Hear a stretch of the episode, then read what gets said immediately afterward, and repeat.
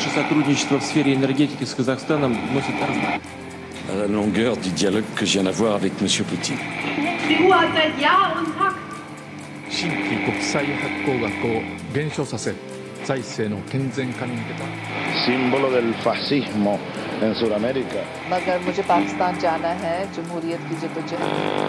En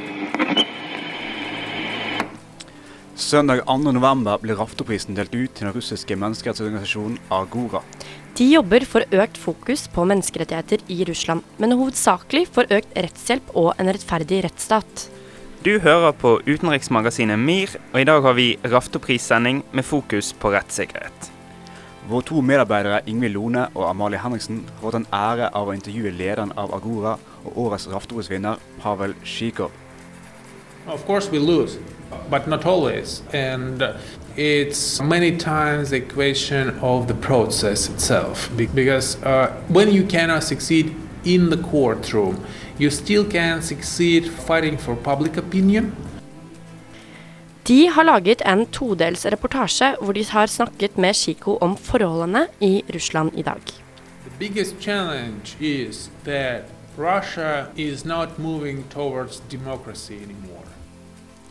Til slutt får vi en sterk kommentar om øst-vest-forhold av Aisha Marie Heim. Og I studio i dag er det meg, Kasper Valestrand. Meg, Frida Akselsen. Og meg, Alexander Losnegård. Men før vi får høre første innslag, så skal vi høre 'Closing Eyes' med Sunshade. Det, det er jo på vei utfor stupet. Det, det behøver du ikke være, være verken trollmann eller synsk eller astrofysiolog for å se. Uansett om det bærer utfor stupet eller ikke, gir utenriksmagasinet MIR deg utenrikssaker og astrofysiologi hver fredag fra 11 til 12 på Studentradioen i Bergen. I antikkens Hellas var agoraen stedet hvor byens borgere kom, kom sammen og å diskutere politikk og stemme over avgjørelser. Forrige uke ble den russiske menneskerettsorganisasjonen Agora tildelt Raftoprisen for 2014. Og Utenriksmagasinets MIR, Ingvild Lone og Amalie Henriksen tok i den anledning en prat med Pavel Sjikov, leder for organisasjonen. Og her får du del én av intervjuet. Raftoprisen tildeles årlig enkeltpersoner eller organisasjoner som kjemper for menneskerettigheter og demokrati. Prisen ble grunnlagt i Torolf Raftos minne, en professor i økonomisk historie ved NHH i Bergen. I år ble prisen tildelt den russiske menneskerettsorganisasjonen Agora. Agora er en organisasjon som består av 35 jurister som jobber for å forsvare rettssikkerheten og rettighetene til bloggere, journalister og ikke-statlige organisasjoner og andre politiske aktivister i Russland, som ble utsatt for offentlige instansers ulovlige handlinger. Vi fikk et intervju med lederen i Agora, Pavel Tsjikov. Det første vi ville spørre han om, var hva som gjorde at han ville lede en menneskerettsorganisasjon, og hvordan det hele starta. Uh, it started actually many years ago uh, when I was the fourth uh, grade uh, uh, student in law school. Uh, I started my work in a human rights organization, and then I saw that something unique can be done with certain approaches, and we, with my friends, 23 we were at that time, we decided to start our own human rights organization dealing with legal issues, dealing with law enforcement agencies, uh, trying to watch how they work, and trying to uh, represent victims of uh, their illegal activity, let's say like that. So that's how everything began. Agora jobber ustoppelig for et rettferdig rettssystem og andre menneskerettigheter i Russland. Dette er et land hvor de autoritære misbruker makten sin, og de som protesterer blir straffa. Siden Agora ble stifta i 2005, har de hjulpet utallige mennesker som har blitt misbrukt av de russiske myndighetene og det korrupte rettssystemet. De har oppnådd enormt mye og sikra mange sin rettmessige frihet. Vi spurte Tsjikov hva han var mest stolt over at Agora har oppnådd. This is the uh, the first recognition of our work that we've got uh, for uh, during all our activity, uh, and I would say that uh, we are working for uh, for good reputation, uh, and I uh, really care about what our reputation in uh, in the country is, and uh, I really like that uh, people facing certain troubles going to us, um, asking for help. Det er ikke alltid Agora vinner fram i retten, men Sjikov legger vekt på at de prøver å hindre fremtidige saker mot politiske aktivister å nå fram i retten. Of course, we lose, but not always. And it's many times a question of the process itself. Because uh, when you cannot succeed in the courtroom, you still can succeed fighting for public opinion, and you still can make it harder for the government and the authorities in pressing a particular person for criticizing the government. Or sometimes it's about a person getting not five years of imprisonment but going on probation, uh, even with a guilty verdict. Russland er et land hvor myndighetene systematisk bruker rettssystemet for å tie all kritikk. Å stå opp og kjempe mot disse myndighetene i rettssalen har sin pris. Her er hva Tsjikov hadde å si når vi spurte han om han noen gang har mottatt trusler eller havna i ubehagelige situasjoner pga. sitt arbeid. In Russia, the government doesn't like human rights activists in general. You should expect uh, some uncomfortable situations when you enter this type of activity. And you might expect even police searches in, in your office trying to find uh, some grounds for criminal investigation against you or any of your people that work for you. Hopefully, you should not expect violent actions uh, and physical violence against yourself. We work as representatives of uh, people who are being beaten, who are being criminally persecuted. So um, it's it's not a common situation when authorities are attacking lawyers, but it happens also from time to time. Agora har valgt å takke nei til pengene som følger med prisen. Hvis du er en ikke-statlig organisasjon og mottar penger fra utlandet, vil du i Russland bli stempla som en spion, eller en utenlandsk agent, som den russiske staten så fint kaller det. Agora er allerede stempla som en utenlandsk agent, og ønsker å sette lys på saken ved å oppnå offentlig oppmerksomhet rundt at de ikke kan motta pengene. Foreign agent law is uh, highly restrictive towards Russian non governmental organizations. I mean, this is absolutely unfair. This is insane. And we decided to sacrifice the monetary part of the price in order to raise the public awareness about these uh, laws being adopted in Russia. At Raftoprisen har blitt tildelt Agora, har definitivt hjulpet med å sette lys på situasjonen i Russland. Og Agora har fått muligheten til å oppnå internasjonal støtte og oppmerksomhet rundt menneskerettssituasjonen i den autoritære staten Russland. Silja Sol med Monstre her på utenriksmagasinet MIR på Studentradioen i Bergen. I studio er det Kasper, Frida og Alexander. Og Frida, den uken ble eh, kåret av amerikanske tidsskriftet Forbes Vladimir Putin til verdens mektigste mann. Og Er det slik at han har eliminert all opposisjon i Russland, eller kan organisasjoner som Agora fortsatt slå tilbake? Altså, jeg er Helt ærlig så syns jeg det begynner å bli skumlere og skumlere, og jeg syns det er vanskeligere og vanskeligere å se hvordan Russland kan gå mot mer demokrati, og ikke den veien det går nå. Man har jo sett nå at eh, Putin har jo hele dumaen på sin side, nærmest. Altså eh, forslag som å endre grunnloven, som vanligvis tar, kan ta mange år, sånn som f.eks. i Norge, eh, tar liksom ti dager. Eh, og sånne ting gjør meg litt bekymret. Og samtidig så blir jo eh, organisasjoner som Agora svartelistet som utenlandske spioner. Eh, F.eks. kunne de ikke de motta de pengeprisen på Rafto. Fordi da ville de bli stemplet som utenlandske spioner av Russland. Og er det noe Alexander russeren ikke liker, altså under Putin, er utlendinger, utenlandske organisasjoner? Nei, det har de jo gjort, eh, gjort veldig klart. De forsøkte jo bl.a. før OL så forsøkte de jo å rydde Sotsji og eh, rydde opp så, så godt som mulig for å skape et best mulig bilde av Russland. Men det er jo litt betenkelig òg i forhold til eh, i forhold til dette med hva den gjengse russer skal tro på når det kommer til eh, media, så virker det jo også som at mye av eh, pressen i Russland er under kontroll av Putin. Ja, helt klart. Og jeg har en, en liten uh, statistikk for meg fra Freedom House. Der står det at, Russland er not free. Freedom rating så har de 5,5 av 7. På Civil Liberty så har de 5 av 7. Og Political Rights har de 6 av 7. Altså da betyr at 7 er verst. Altså Norge har én på alle de tre der, Mm. mens Russland er helt oppe mot seks og syv. Og på starten av 90-tallet, når de ble demokratisk, så hadde mange håp og tro på at Russland skulle komme med en vestlig styresett. Men Frida? Men vestlig, det er ikke det Jeg tenker ikke at vestlig styresett er nødvendigvis det beste. Det, de får være så østlige de vil for min del.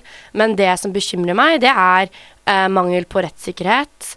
Eh, og en rettferdig rettsstat. Det er jo det Agora jobber med.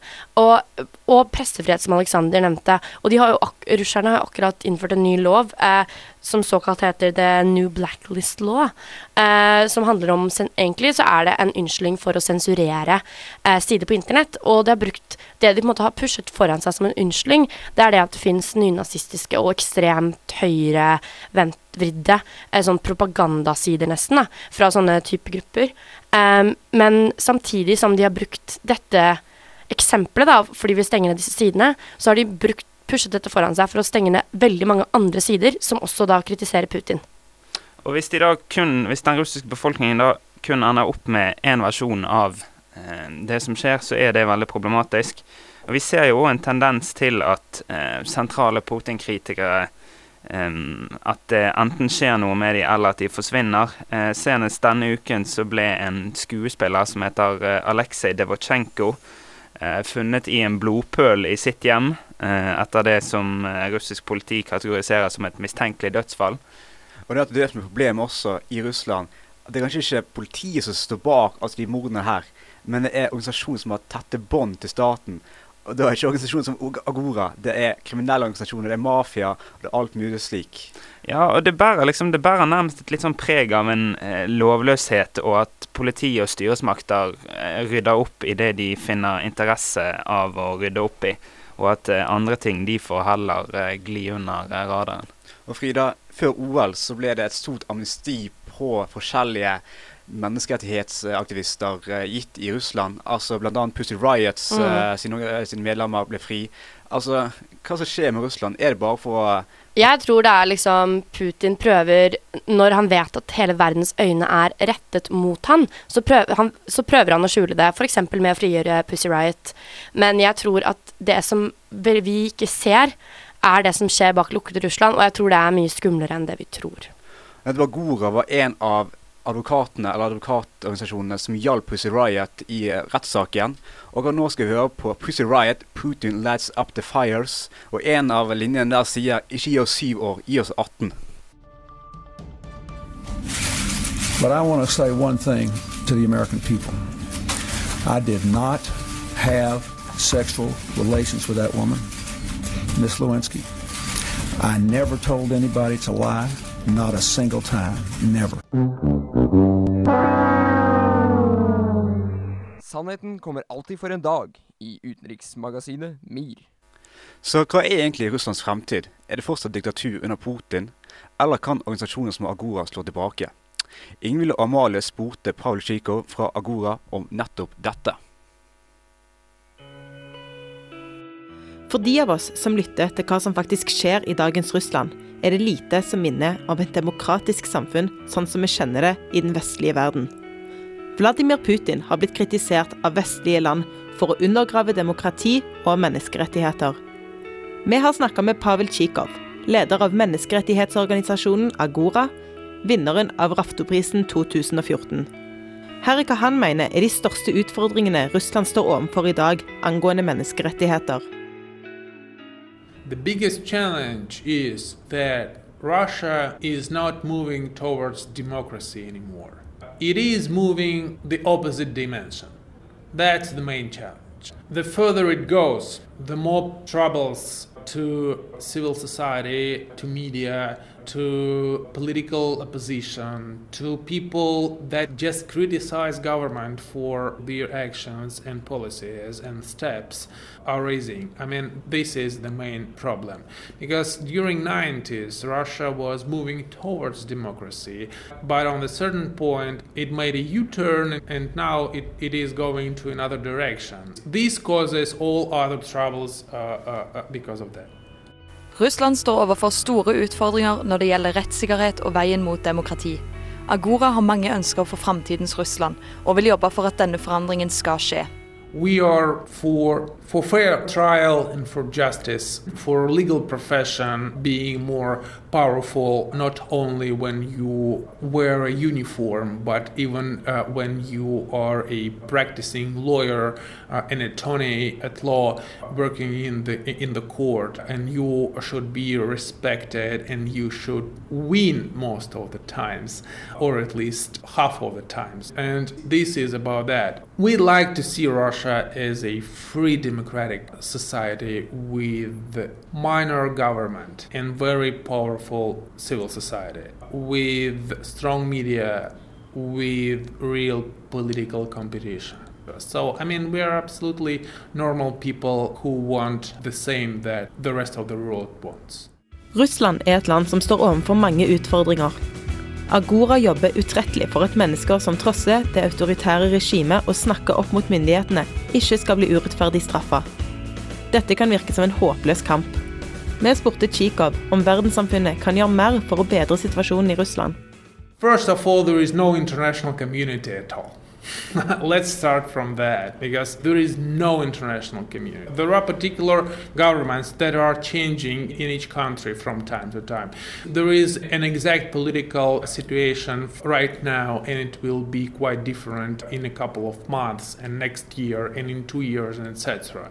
So clearly, there are certain standards and values that are being undermined by the governments like Russian right now, and the responsibility responsibility of all democracies is definitely to secure those values, to defend them, and to, to make those governments who try to undermine them pay politically, most of all, not economically.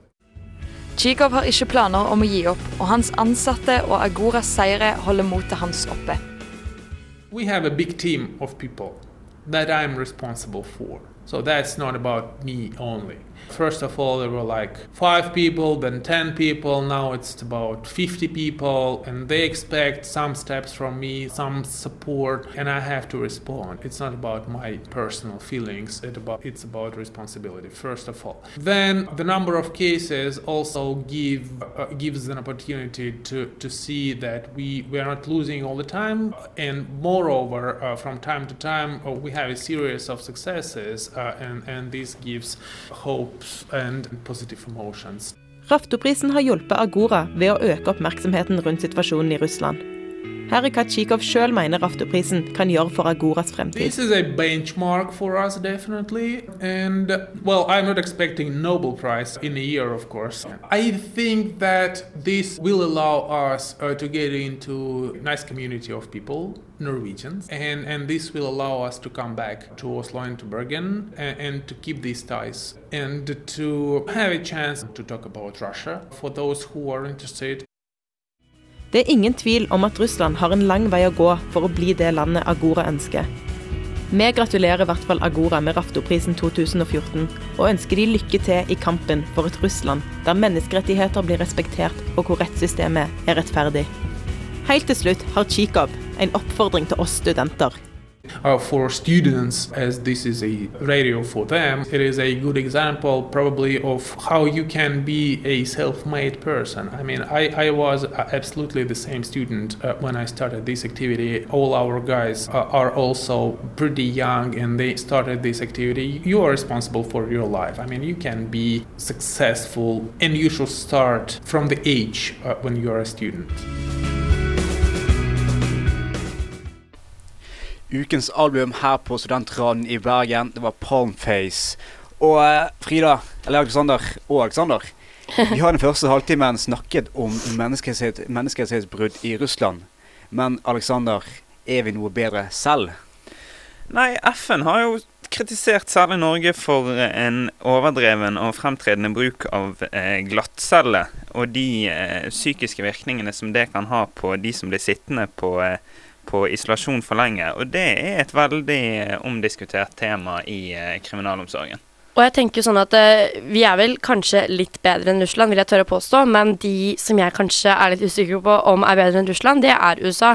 For etter de begynte med sin War on Terror etter 11.9, uh, så har jo de faktisk brukt tortur hemmelige fengsler som er, har vært f.eks. i Polen. Alle vet om Guantánamo. eh, hvor de har brukt tortur som et virkemiddel eh, for å få informasjon ut. Og det som er at eh, CIA har masse fengsler overalt i verden, men de blir kalt som blacklista, så man vet ikke egentlig hva som foregår der, eller om det er fengsler i det hele tatt. da. Og et av hovedpoengene her det er jo det at du kan ikke gjøre rettssikkerhet halvveis. Du kan ikke eh, snakke om én ting på hjemmebane og så oppføre deg annerledes når det kommer til f.eks. sikkerhetspolitiske spørsmål. Du kan ikke si det at ja, vi har hjemmel for denne straffen, men vi har korrupte dommere, så altså Frida og Sander, er ikke det bare viktig for oss å gjøre oss selv trygge? Altså Er ikke det å kan du si, torturere et menneske for å redde tusen liv, er ikke det en god ting? Vet ikke, jeg syns det er et veldig vanskelig spørsmål. Fordi jeg tenker enten så er man for tortur, eller så er man mot tortur. Uh, og USA er vel i sitt innad i landet, innad i sin nasjon, så er det vel mot tortur mot egne mennesker. Men så er det liksom sånn, nei, men hvis vi drar utenfor landet eh, og går til eh, liksom de ekstreme muslimene som kanskje er en del av et stort terrornettverk, da er det plutselig greit å torturere. Så jeg synes liksom det blir veldig dobbeltmoralsk og veldig, veldig, veldig feil. Nå i denne uken igjen fikk vi en trusselmelding fra PST Alexander, om mulige terroraksjoner i Norge neste året, altså angrep på politi, militær osv. Er det riktig av oss å arrestere folk bare pga. mistanker? Nei, altså det er ikke det hvis du skal opprettholde de overordnede prinsippene som vi har i rettsstaten om at eh, man ikke skal eh, dømmes uten lov, og man ikke skal kunne eh, arresteres med mindre man faktisk har gjort noe galt. Så blir det ikke Selvfølgelig, vi må ta, eh, vi må ta visse forhåndsregler, og da blir det vanskelig dette her med en del dilemmaer i forhold til hva man kan eh, tillate å gjøre seg, og fremdeles være innenfor eh, respektable grenser. Men i utgangspunktet så kan vi ikke det. Vi må heller ta forhåndsregler andre steder. Men Frida, vi snakker mye nå om å arrestere folk, men tortur, er det en ting vi kan gå inn for som rettstaten Norge av støtte Altså støtt f.eks. USA da, sin bruk av tortur Nei, på, det- i- på fanger på Gitmo? Kjenner du meg litt, så vet du at det er det siste jeg vil. Altså, jeg tenker Altså, jeg skjønner at det er vanskelig, og man Jeg skjønner at det kan sikkert på en måte redde liv, men jeg syns at det blir så barbarisk og feil å drive og torturere mennesker. Og det som USA driver med, de mener jo at grunnen til at de kan forsvare sin torturbruk, er at de har reddet USA fra flere terrorangrep. Men jeg tenker at det, altså diplomasi diplom, Å drive med diplomatikk og liksom gjøre det på en litt Litt mer eh, Ja, ikke så barbarisk måte, da, kan være like så effektivt. Samtidig så viser det jo hvor avhengig vi fremdeles er av eh, det menneskelige elementet når USA, sannsynligvis det landet som dri i verden som driver med mest overvåkning, og som sitter på flest ressurser til å eh, holde sitt eh, verdensbilde oppdatert. Når selv USA da er avhengig av eh, de menneskelige ressursene, så sier det litt om at eh, fremdeles så er vi ganske viktige oppi det hele. Ja, og det er der jeg nesten kan se litt sånn sammenligne Eller sammen, nesten kan sammenligne USA og Russland, da. For de er jo helt I verdensbildet er de på hver sin side, og de er aldri vært så veldig gode venner. Eh, men hvis du ser på hvordan de begge to eh, overvåker Kanskje ikke så mye sensurering i USA, da, men overvåkning, tortur, eh, ulovlig fengsling og sånne ting, så har faktisk USA og Russland litt til felles. Og Hvis du da hjemme har en mening med dette, så lik oss på Utenriksmagasinet MIR på Facebook, og send en melding til oss, eller send en melding på SRIB, kodo 1963, SRIB, riktig. Og nå skal vi høre Danny L. Hall med In My Dreams. Mitt navn er Kåre Willoch. Du lytter nå til Studentradioen.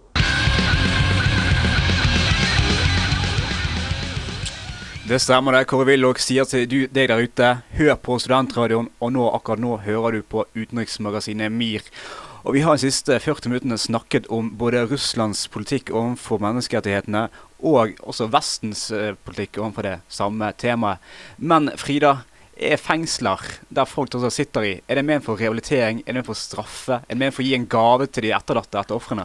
Eh, det er jo litt forskjellige modeller på hvordan man organiserer, eller hvordan man ser på straffa. F.eks. Eh, eksempel i Norge så ser vi på fengsling som Ja. Som Altså, I Norge så står eh, rehabiliteringsmomentet veldig sentralt. Eh, selv om vi har straff, så er på en måte ta Altså Straff er jo en viktig ting også, men du har Bastøy fengsel der eller, eh, fangene får lommepenger og klarer seg gjennom uken. Er det, Bast- er det Mikke Mus-gjeng de har, eller? Nei, altså, det er jo lett å skjønne at eh, når de kommer, eh, kommer besøkende fra USA som eh, sammenligner sine rettsvesen, så er det jo lett å forstå at de tenker det. I USA så er jo eh, tanken om straff går mye mer ut på det at eh, de pårørende som sagt skal få sin, eh, få sin hevn, på en måte. Det er jo det som til en viss grad også slår ut i, i dødsstraffen. Mens vi har Vi vil at våre fanger skal komme tilbake til samfunnet og kunne bli en ressurs for samfunnet etter at de har sonet sin straff. Og Frida, er det slik at Er du enig med Alexander der at eh, folk skal eh, gjennom få en rehabilitering, eller er det straff som er tingen? Jeg mener absolutt at en rehabilitering er det beste. Altså Det finnes jo selvfølgelig unntak uh, til det, og at det finnes mennesker som ikke burde returnere til samfunnet. F.eks. Uh, Anders Behring Breivik, Breivik i, her i Norge. Men uh, generelt så mener jeg at poenget med straff altså Hevn og å holde noen vekk fra samfunnet unødvendig lenge gagner ingen. Det gagner ikke den som sitter i fengsel, og det gagner ikke samfunnet, for det koster penger å ha personen i fengsel. Uh, og det vil lønne seg å ha denne personen som et velfungerende samfunnsmedlem, da. Men så derfor så ser jeg veldig store problemer med den modellen de har i USA. Uh, og det har jo på en måte også kommet fram at eh, um, Ja, for I USA er 12% av innbyggerne afroamerikanere. Men i amerikanske fengsler så er det mot 50% av de innsatte som er afroamerikanere. Ja, det er akkurat det jeg skulle komme frem til. Det er jo noe, det, noe som har blitt omtalt som the new Jim Crow. Og Jim Crow var jo noen eh, lover på slavetiden. Eh, mens nå så er det slik at ja, 40 da, av eh, amerikanske fengslede, det er svarte menn. Eh, og dette har liksom økt veldig mye siden de innførte strengere Eh, eller The War on Drugs, da, som de begynte med på 80-tallet, så har de da økt med 200 000 eh, svarte innsatte i forhold til hva det var i 1986. Eh, og det virker nesten som at det amerikanske samfunnet på en måte bare eh, har bestemt seg for at unge svarte menn som driver med dop, skal sone altfor strenge straffer. Og dette blir en slags ond sirkel hvor de ikke kommer seg ut av det. Uh, og de sier jo at hvis du blir, er en svart mann som blir født, så er det en tredjedel sjanse for at du vil være i fengsel i løpet av livet ditt. Og det er ganske sykt. Og det fører jo til at eh, afroamerikanere igjen får eh, sliter med lite tillit til politi, til styresmakter. Vi så jo senest i, eh, i sommer og nå tidlig i høst at det ble opptøyer i Ferguson etter at en ung eh, afroamerikaner ble, eh, ble skutt av politiet. Og de mener seg jo da sannsynligvis med grunn da, på bakgrunn av disse tallene her, forskjellsbehandlet av eh, politiet og styresmaktene. Men altså, Frida, i Russland altså en person sitter i fengsel der. Vi har snakket om Russland nesten hele sendingen, hvordan, er, er, hvordan kan han eller hun forvente seg å være i fengsel? Er det snill badstue i fengsel, eller er det Eh, hardcore? Det er mye mer hardcore enn det er her i Norge. Det er vel å merke. Det fins jo eh, russiske fengsler som ikke er så ille. Det spørs litt på hva slags eh, hva du har gjort, og hva slags dom du har fått. Men det fins jo liksom de verste fengslene i Russland, som nærmest er moderne arbeidsleirer, hvor eh, de innsatte må jobbe veldig hardt fra morgen til kveld, og hvor alle pengene de da tjener, går rett til fengselet som for å, på en måte en betaling for at de sitter der. Eh, og det kan man også sammenlignes med noe som også skjer i amerikanske fengsler, faktisk. En slags gulag? Eh, det, ja, kanskje det. Det er kanskje litt drøyt å si, men nesten. For å komme tilbake litt eh, dit vi begynte, så er det jo selv om det selvfølgelig er viktig at eh, band som Pussy Riot og andre internasjonale organisasjoner setter fokus på menneskerettighetsbrudd og på eh, dårlig rettssikkerhet i Russland, så er det ikke til å komme unna at når det kommer til rettssikkerhet, så må eh, forandringen begynne innenfra. Det ser du òg eh, illustrert ved at eh, USA opererer som en eh, slags Janus med én oppfatning når det kommer til noe, og én oppfatning når det kommer til terrorbekjempelse. Sånn at du er avhengig av at krefter innad i samfunnet setter i gang prosesser for en bedre rettssikkerhet, og særlig da er jo organisasjoner som Agora så viktig. Og det er viktig å ta med seg. Her kommer Kasabien med Easy på Studentradioen i Bergen. We're Team Snapchat, and we're listening to Student Radio in Bergen. Aisha Marie Heim skal nå kommentere øst-vest-forholdet i verden. Altså Er det riktig av oss i Vesten å snakke om våre tanker om Østens, altså om Russlands eh, kriminalitet og rettssikkerhet, eller er det også viktig av oss å høre på de, hva de mener om hvordan rettssikkerheten skal være?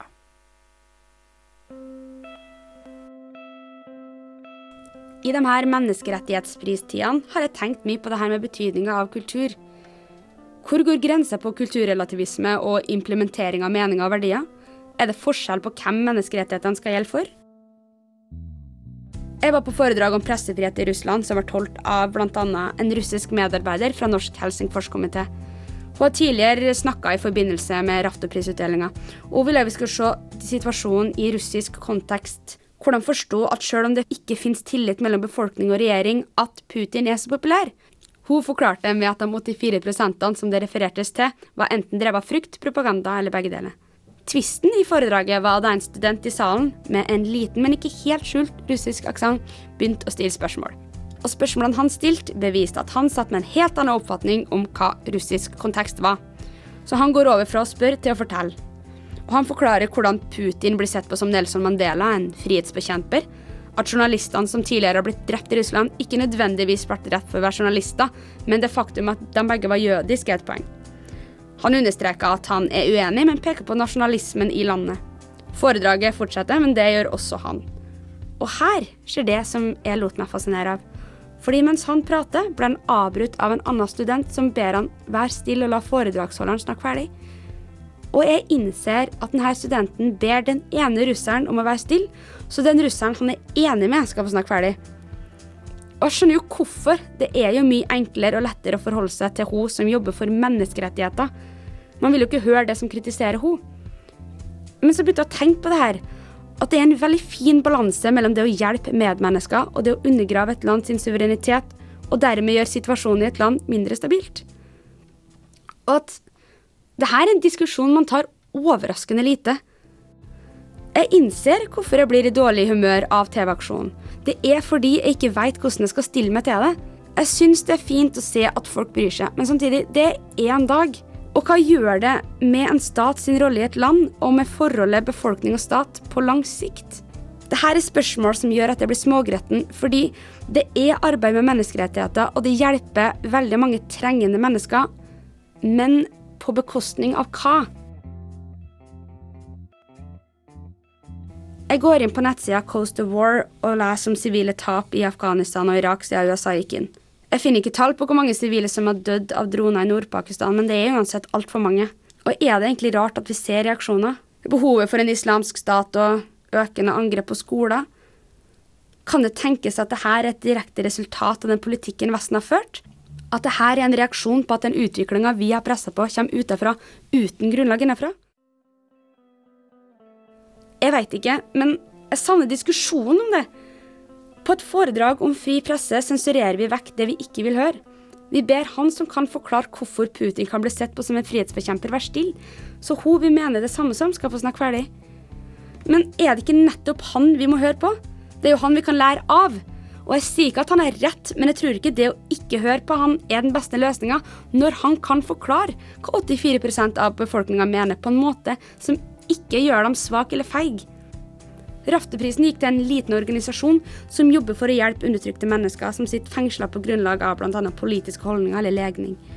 Og jeg syns det er en verdig vinner, og at det er et viktig arbeid. Jeg vil understreke at det er ikke det her jeg kritiserer, jeg vil bare i diskusjonen rundt få inn det faktum at slike brudd skjer andre plasser òg.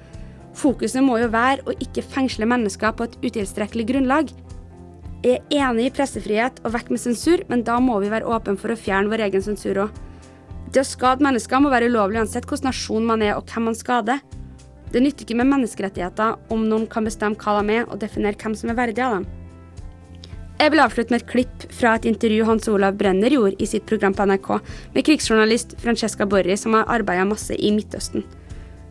I spørsmålet om menneskerettigheter mener jeg det er på tide å slippe inn nye tanker og innfallsvinkler i diskusjonen. Det må jo handle om at mennesker skal ha det bra, ikke hvem de skal være, og hvordan de skal ha det. If you think on a political level, if you ask me what we should do, well, we are ruling the war, we are ruling the Middle East, we are terribly racist. And it's really something that we don't even perceive anymore. Uh, if you ask me on a personal level, well, there are so many wars here around. And yesterday I arrived from the airport, and at the Oslo Central Station there were some blood on the stairs at the station because there was a homeless people or a or a drug addict. I don't know. I mean, somebody was alone, alone somewhere in a corner. Really, a country like Norway, rich like Norway, really city like Oslo, doesn't have an extra chair for that man. Really, this is your war. You don't see the front line around you. I mean, that's the point. So please don't leave alone those you love around you. That's all. Du har den siste timen hørt på utenriksmagasinet MIR på Studentradioen i Bergen. Og vi har snakket om menneskerettigheter. Vi har snakket om Raftoprisen i uh, Agoras Raftopris. Vi har snakket om uh, USA og Vestens brudd på menneskerettigheter. Og vi har snakket om hva er egentlig fengsling? Hva er god fengsling? Og Alexander, hvem skal vi takke? Jo, i den anledning må vi takke Amalie Henriksen og Ingvild Lone, som da hadde intervjuet Agora-leder Pavel Chico. Og vi må takke Aisha Marie Heim for hennes kommentar om øst-vest-forhold. Og hvis dere har noen kommentarer til denne sendingen, må dere gjerne sende oss en melding med kodeord SRIB til 1963. Eh, sjekk oss ut på Facebook. Det er bare å søke på Utenriksmagasinet MIR. Vi har en Instagram. Det er bare å søke på Utenriksmagasinet MIR. Og vil du høre denne sendingen igjen, så er det bare å gå på srib.no slash utenriksmagasinet MIR. Og I studio er Kasper Valesand vært, vært med Alexander Lossengård Eh, Frida Akselsen. Eh, Sondre Myhre har vært produsent. Takk for i dag. Hør på Plutopop etter oss. Her kommer Daddy Issues, Ugly When I Cry.